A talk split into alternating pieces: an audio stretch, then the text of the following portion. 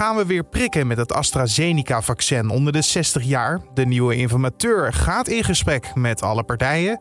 En Ajax speelt vanavond in de kwartfinale van de Europa League tegen het Italiaanse AS Roma.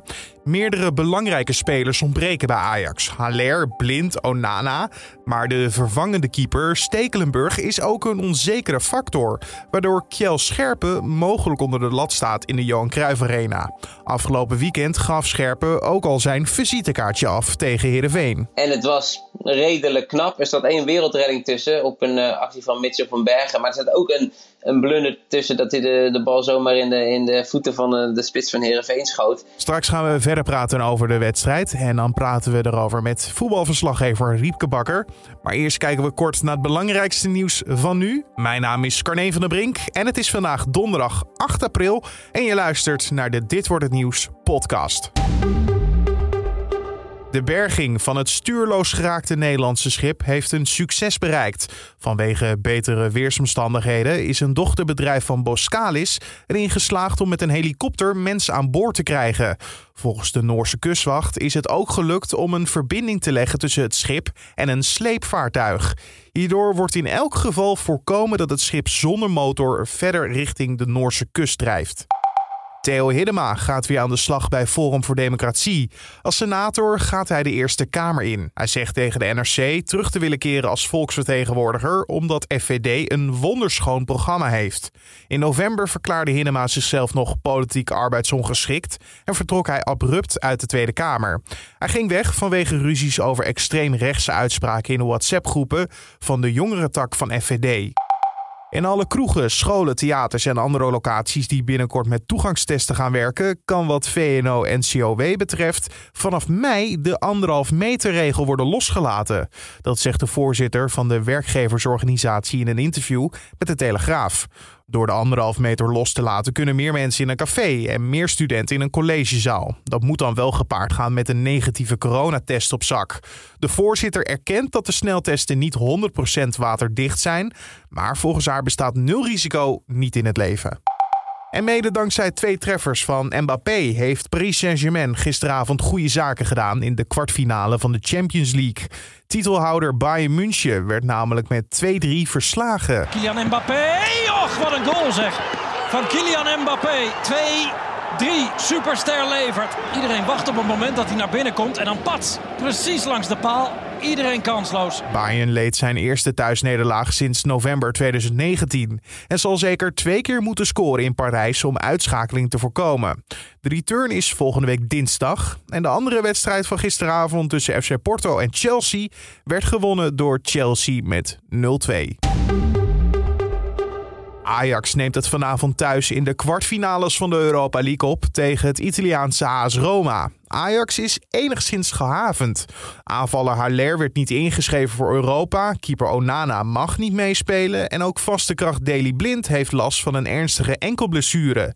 Waardoor hij vanavond niet kan meespelen. Collega Julien Dom sprak erover met voetbalverslaggever Riepke Bakker.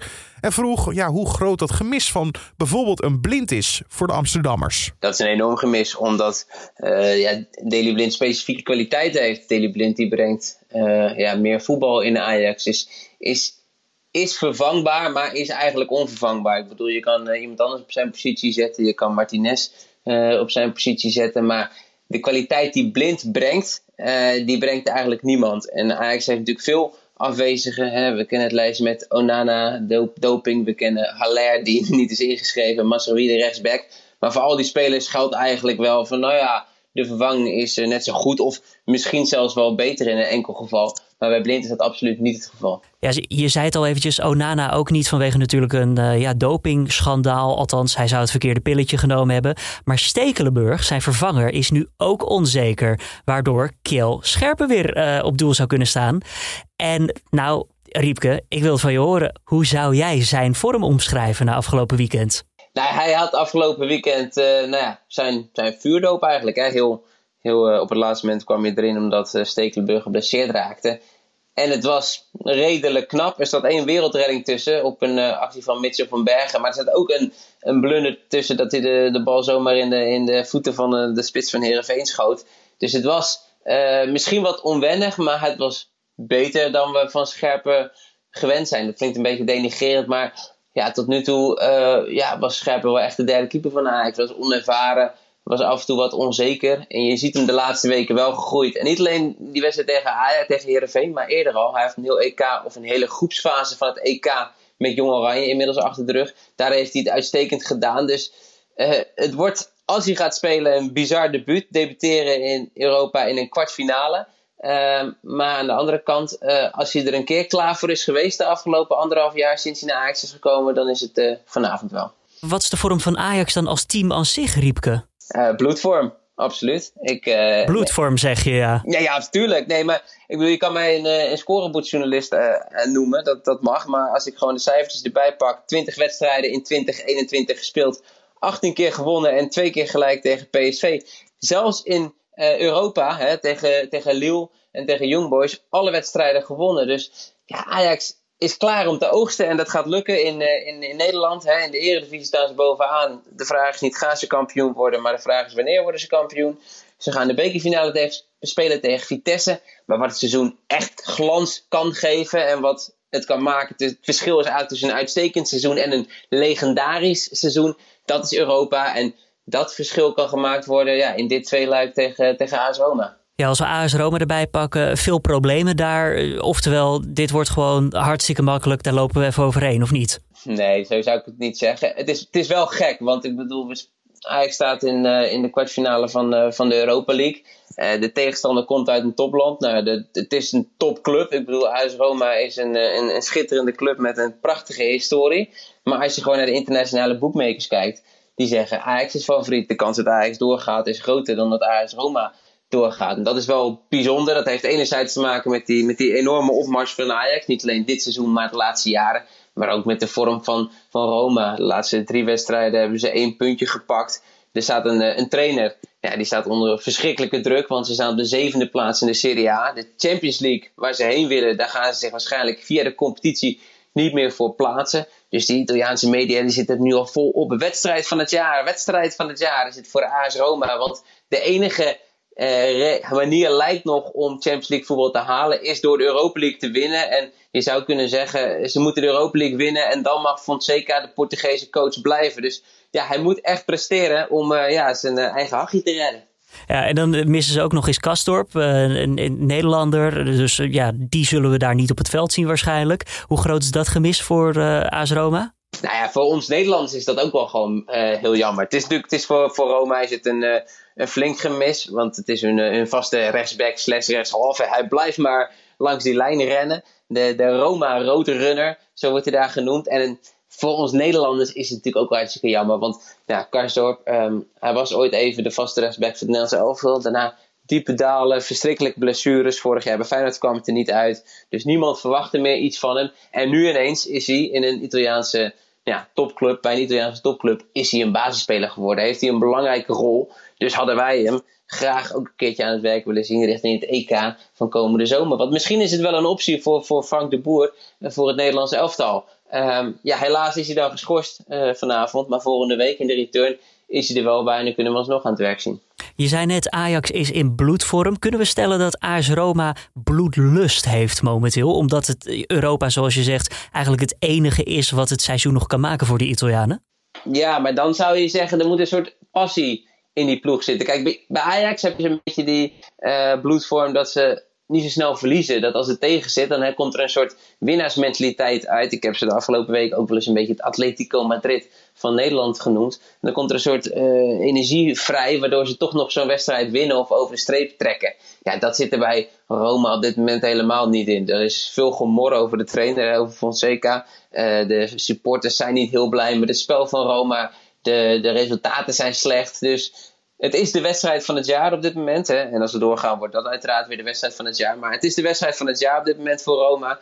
Niet tegen Ajax, maar er zit niet een soort bloedlust of een soort passie in. Of je denkt, nou, er staat een onverslaanbare machine. Maar krijgen we dan zo'n saai Italiaans voetbal eh, te zien? Nee, nee, nee, nee, nee, dat absoluut niet. Want je zou denken, Italiaanse ploeg, nou ja, Fonseca, Italiaanse of een Portugese trainer. Ja, dan denkt hij misschien al snel, oh jee, dat we een soort Mourinho voetbal, hè, zoals we de andere Portugese trainer kennen dat is het absoluut niet. Het is wel een ploeg die uh, ja, best spectaculair speelt, best aanvallend speelt, eigenlijk helemaal niet Italiaans. Dus je kan best een hele leuke open wedstrijd krijgen. Met Ajax wat we aanvallen, met Roma wat niet gaat verdedigen en vol voor de eigen kans gaat. Ehm, dus ja, het, het, kan absoluut leuk worden. En als je gewoon naar de, de kwaliteit op het veld kijkt, ja, dan ontloopt het elkaar gewoon een paar miljoenen ook niet zoveel. Ajax is volgens Transfermarkt, dat is een gerenommeerde website, 348 miljoen waard, de hele selectie bij elkaar. En dan tegenover die 348 miljoen staat 386 miljoen van AS Roma. Dus ja, de spelers zijn kwalitatief, die selecties worden ongeveer gelijk ingeschat. Dus ja, het is wel echt een, een, een leuke, een hele interessante confrontatie opmerkelijk toch wel. Hè? Dit hadden we een paar jaar geleden waarschijnlijk niet zo gezegd. Dat dit maar weer gewoon is staat te gebeuren. Een Nederlandse club in een kwartfinale van het Europese voetbal. Nee, nee, dat is. Uh, daar, daar moeten we ook een beetje van genieten als Nederlandse, als Nederlandse voetballiefhebbers zijnde. We ja, los van of je nou voor Ajax bent of niet. Het is gewoon goed voor het Nederlands voetbal, ja.